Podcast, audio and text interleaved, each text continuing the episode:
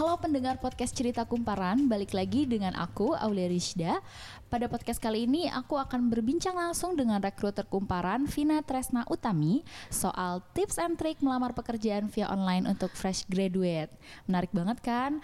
Nah, karena emang sekarang itu udah serba online, karena kemunculan internet juga, berubah tuh pola pencarian lowongan kerjanya dari yang tadinya door to door, kita memasukkan lamaran pekerjaan dari satu perusahaan ke perusahaan lain, sekarang tinggal aja mengirimkan berkas via online untuk mendapatkan peruntungan. Dan sebenarnya ada banyak banget nih job portal yang bisa kita coba.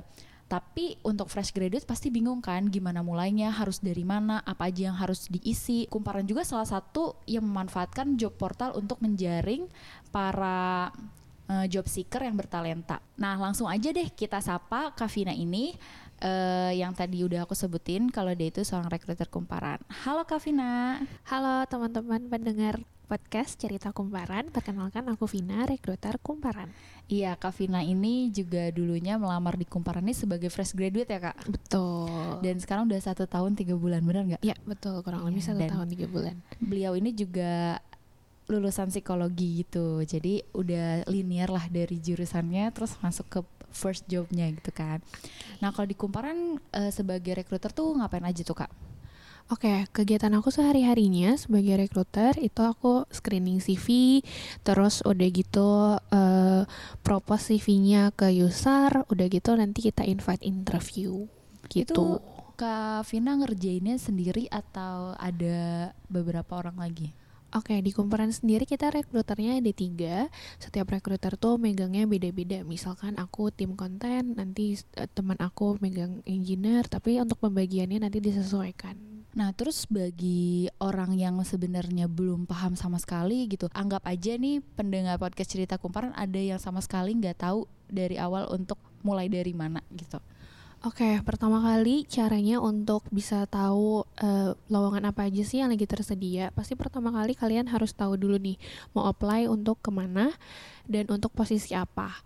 Jangan sampai cuman eh gue apply cuman yang lagi open aja nih. Ya nih lagi open gue apply aja deh langsung. Nah jangan kayak gitu. Kalau dari aku sendiri sarannya kamu harus tahu dulu nih kamu mau apply-nya untuk posisi apa dan di perusahaan apa. Jadi kalau menurut aku di searching dulu nih misalkan aku mau jadi admin deh. Admin tuh kerjanya ngapain aja sih?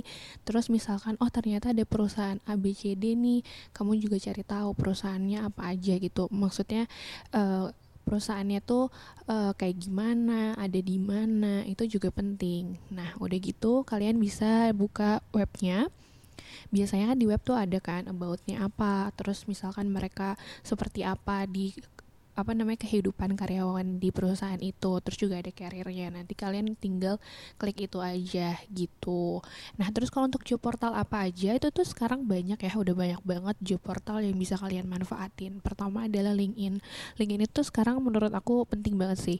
Maksudnya rekruter pun nggak cuman uh, aplikan yang nyari kerjaan tapi kadang juga rekruter yang nyari orang-orang gitu Nah, jadi tuh menurut aku diupdate uh, LinkedIn-nya. Terus caranya menurut aku adalah pertama kalian search recruiter di berbagai perusahaan. Biasanya tuh recruiter-recruiter tuh sharing tuh misalkan we are hiring apa, posisinya apa aja. Terus nanti biasanya dari link dari recruiter ke recruiter tuh biasanya suka like job postingannya. Nanti itu kan akan muncul di homepage kamu. Nah, itu jadi bisa kesempatan kamu untuk tahu uh, apa aja sih posisi apa aja sih yang lagi hiring? Nah itu bisa dimanfaatkan di situ gitu. Oh jadi uh, selain kita direct langsung search itu kita follow dulu uh, rekruter-rekruter dari perusahaan-perusahaan tertentu supaya nanti kayak apa ya berjejaring gitu ya betul. biar itu cara dari aku ya. Aku dikasih tahu sama teman aku yang lebih senior. Jadi kalau misalkan gampangnya adalah kalian misalkan searching aja nih di LinkedIn misalkan rekruter koma kumparan. Nanti itu di situ akan muncul tuh beberapa rekruter dari kumparan biasanya tuh rekruter kan suka update gitu di LinkedIn misalkan hiring apa hiring apa atau enggak misalkan rekruternya itu nge-like postingan rekruter yang lain atau enggak di LinkedIn sendiri juga kan ada untuk job apa aja sih yang lagi open itu juga ada kayak gitu caranya. Terus kalau untuk ngisi profil LinkedIn untuk pemula nih gimana sih Kak? Apakah harus semua aktivitas kita dicantumin gitu. Terus kalau yang emang nggak punya pengalaman kerja atau pengalaman internship baiknya tuh yang dimasukin ke pengalaman itu apa ya okay, yang paling update itu apa ya? Uh, kalau di LinkedIn itu terupdate terus, uh, misalkan walaupun emang belum ada pengalaman kerja sama sekali, dimasukin juga nih, misalkan ikutan volunteer di mana, terus aktif untuk organisasi di mana, itu juga bisa jadi nilai tambah biar aku tuh bisa lihat, oh ternyata anak ini tuh jurusannya ini, tapi interestnya ke misalkan ikutan volunteer di sosial gitu. Oh ternyata interest di sosialnya juga gede.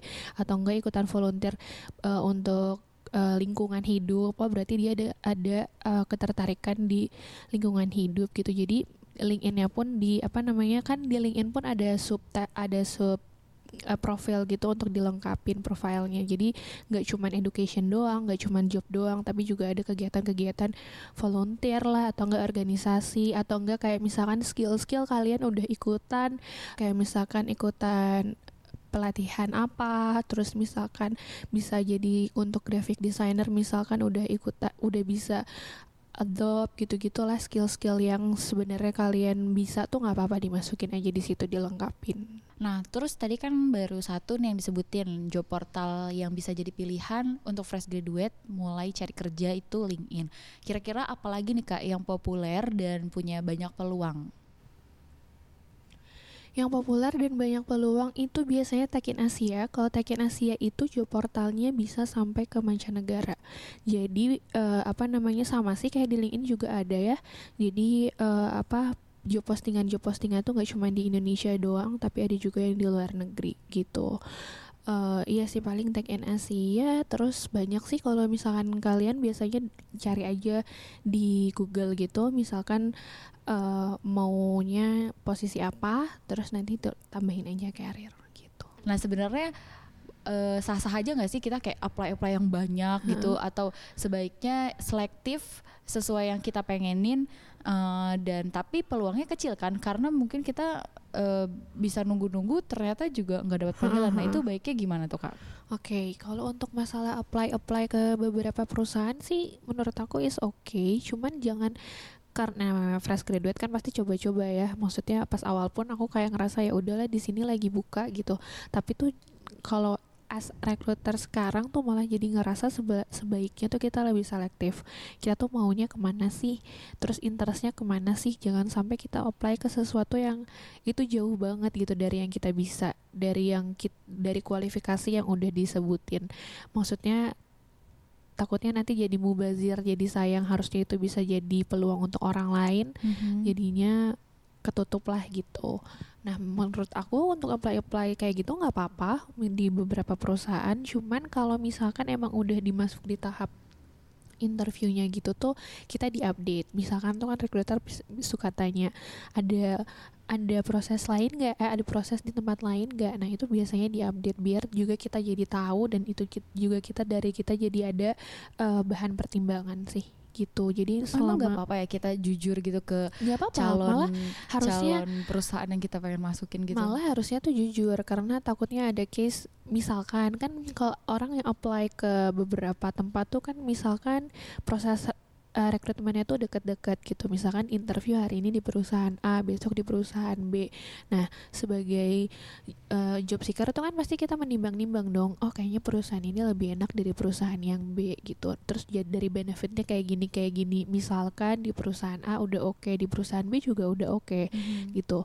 Kan nanti ada di offering segala macam. Nah menurut aku lebih baik uh, kandidat-kandidat ini tuh update gitu sama rekruternya. Biasanya kan yang, yang update segala macamnya kan langsung rekruternya ya. Menurut aku lebih baik tuh kita update gitu ke statusnya seperti apa kelanjutan rekruternya gimana. Oh mbak kayaknya aku lebih ambil offering yang di sini deh soalnya ini ini ini. Nah aku lebih menghargai orang-orang yang bisa update uh, istilahnya dia engage sama kita daripada yang tiba-tiba nggak ada kabar. Ternyata emang di offering di tempat lain tapi nggak ada kabar. Nah itu yeah. yang menurut aku kurang sih harusnya uh, dia pun lebih update gitu. Emang banyak yang gitu kak? Enggak sih nggak banyak, cuman ada beberapa case yang kayak gitu. Terus kayak kakak sebagai rekruter nemuin tentang tantangan apa selain uh, si calon ini kabur gitu? Terus challenge yang lagi apa ya? Malah dengan adanya kandidat-kandidat ini tuh aku jadi ngerasa harus lebih sabar. Karena Karena beberapa kali ngenemuin case kayak misalkan ini juga tips untuk kandidat-kandidat yang mau apply menurut aku untuk eh, penyerahan CV ap- apply CV itu eh, cantumin CV yang emang benar-benar terupdate karena Oke. pernah ada case gitu aku telepon kandidat teleponnya tuh sesuai sama apa yang dia cantumin di CV gitu Iya. pas aku telepon telepon yang anda tujui itu salah terus Mhm. misalkan nggak bisa gitu kan aku bingung maksudnya kamu tulis nomor telepon itu di CV tapi kenapa gitu aku telepon nggak bisa gitu akhirnya kan effortnya lebih lagi maksudnya ada ya itu kan kerjaan recruiter tapi kan itu info kamu tuh kontak kamu tuh adalah jembatan antara recruiter dan aplikan gitu jadinya Iya. menurut aku untuk CV-nya pun harus di update gitu. Berarti eh, kita sebenarnya pernah sih kak bahas soal CV dan juga pengaruh sosmed itu untuk Iya. para pelamar kerja mungkin teman-teman bisa dengerin di podcast Betul. eh, sebelumnya gitu ya. Ya. Nah, tadi menarik sih menurut aku yang soal nomor telepon ini mungkin banyak orang juga nyantumin itu kecil terus mungkin itu kayak Mm-mm. sesuatu hal yang Mm-mm. sepele gitu Mm-mm. kan. Tapi ternyata itu sesuatu hal yang sangat penting ya. Berarti harus se apa ya seteliti mungkin jangan sampai typo atau Iya misalnya betul. salah angka, eh salah angka typo ya. ya kayak gitu ya gitu. Iya, Maksudnya benar. itu itu salah satu hal yang penting. Iya benar info-info kayak gitu tuh kalau bisa diperbarui terus. Kalau misalkan emang ganti nomor ya berarti nanti apply-nya pakai CV yang terbaru biar nanti pun rekrutmen eh, rekruternya pun eh, ngehubunginnya enak gitu. Jadinya waktu itu tuh dia nggak nomor teleponnya tuh salah terus akhirnya di, di WhatsApp pun itu nomor tidak terdaftar daftar di WhatsApp. Akhirnya aku email dan aku linkin maksudnya sayang kan kalau misalkan ternyata dia oke gitu dari CV-nya terus akhirnya aku hubungin by email terus kandidatnya tuh bilang oh iya mbak maaf nomornya tuh saya ganti nomor ya kan sayang banget gitu maksudnya Mm-mm. dengan prosesnya bisanya harusnya cepat jadi karena harus aku nungguin email namanya orang kan nggak selalu buka email Standby. kan jadinya Hmm. aku harus nungguin dulu yang harusnya bisa cepat jadinya lebih lama gitu aja sih jadi kalau bisa mau apply itu dicek lagi CV-nya tuh udah terupdate apa atau belum sih Nah, terus abis itu kalau misalnya profil LinkedIn itu baiknya pakai foto formal atau bisa sih Kak foto yang bebas gitu. Oke. Sebenarnya along the way itu LinkedIn gak terlalu kaku kayak dulu sih. Sekarang kan Mhm. banyak orang yang berpikiran kalau LinkedIn tuh job portal gitu. Iya. Padahal tuh sebenarnya sama aja sama eh, profil-profil kamu di media sosial yang lain gitu. gitu, ya. Jadi Soalnya nggak aku masih pakai foto yang ijazah Iya sih. sih, ada beberapa juga sekarang yang masih pakai foto apa namanya foto, pas foto gitu. Iya, iya, iya. Tapi ya nggak apa-apa kalau misalkan emang pakai foto biasa asal ya jangan selfie kali ya. selfie juga ya nggak Oh, apa-apa. nggak tapi cuman apa-apa. jangan yang terlalu agak Vulgar mungkin. atau agak menarik eh, perhatian gitu. Jadi yang biasa-biasa aja Kalau tapi yang bebas di- gitu. sorry, kalau di doodling gitu boleh bisa nggak? Doodle-doodle gitu sih biasanya anak kreatif yang kayak gitu. Eh, Itu gitu. nggak masalah ya. Nggak masalah sih sekarang maksudnya along the way tuh LinkedIn kayaknya nggak terlalu Soalnya kan ada tuh Kaku. meme yang ada empat sosmed Iya, ya iya, kan iya, ada kayak tuh kalau yang yang link itu yang LinkedIn kayak gimana gitu. gimana, Tapi menurut gimana, aku nggak perlu yang terlalu kaku-kaku banget sih. Foto photoshoot gitu Mm-mm. juga boleh asal maksudnya yang bisa diterima lah. kayak anak-anak kumparan ya pada pakai Iya Photoshop. kalau misalnya mau lihat LinkedIn bagus mungkin bisa lihat foto-foto anak kumparan. Oke. Terus apa lagi ya kak? Kemarin banyak loh perasaan yang menarik. Ini. Oke deh. Nah terus karena kita tadi juga lagi ngomongin masalah lamaran online ya, seberapa besar sih peluang diterima melamar online? Peluangnya adalah aku bisa lihat dulu identitas yang eh, identitasnya lengkap, terus ada CV-nya. Kalau emang ada bisa attach portofolio itu lebih baik juga portofolionya di di upload. Jadinya kita bisa tahu nih eh, misalkan untuk bagian desainer nih oh kita udah tahu nih desainnya dia kayak gimana gitu. Atau enggak misalkan attach behance-nya jadi kita juga bisa lihat eh, apa namanya lembar kerjanya dia kayak gimana gitu. Terus yang kedua kalau di email sekarang tuh masih banyak juga kan ada beberapa kayak kita juga ada beberapa uh, yang kasih misalkan bisa de, bisa langsung apply ya ke email kita di join@kumparan.com gitu. Oke. Okay. Nah, ada beberapa orang yang apply itu tuh nggak pakai body email, enggak pakai subject, subject enggak. email, enggak ujuk-ujuk ngirimin CV. Oke. Okay. Terus di CV-nya cuma nulis surat lamaran pekerjaannya itu saya berminat untuk join di kumparan di bagian posisi yang sedang dibuka, dibuka gitu. Mau apa nih gitu? Maksudnya mau di posisi apa gitu? Aku juga nggak bisa menerka-nerka karena kan yang bisa menilai uh, kapasitas kita kan diri kita sendiri maunya di mana. Oke. Okay. Ya kan? Terakhir nih Kak, berdasarkan pengalaman Kakak selama ngerekrut, kira-kira uh, ada insight baru apa yang bisa dibagiin untuk uh, sebaiknya dilakukan dan tidak dilakukan oleh pelamar? Oke, yang tadi pertama adalah uh, eh, CV-nya itu yang terupdate. Terus kalau lihat posisi-posisi apa yang memang membutuhkan portofolio. Misalkan posisi-posisi kreatif, graphic designer itu kan kita butuh lihat tuh uh, boleh di attach Behance-nya atau enggak misalkan uh, hasil-hasil desainnya itu juga bisa. Terus untuk anak-anak video biasanya tuh anak video kan bisa dari berbagai jurusan nih. Hmm. Misalkan di CV-nya emang belum ada ada apa namanya belum ada pengalaman di video. Tapi kita bisa lihat ternyata oh di Instagram ternyata dia suka videografi. Oh ternyata di Instagram dia suka video editor. Nah itu bisa menjadi nilai plus. Jadi selain CV-nya yang diupdate juga kalau misalkan teman-teman punya skill di hal yang beda gitu dari uh, peminatan di kuliah itu juga bisa misalkan di sosial medianya okay. gitu. Itu juga boleh diupdate. Gitu. Udah gitu aja kak? Ya betul Oke deh, makasih banyak ya Kak Vina udah Sama-sama. berbagi.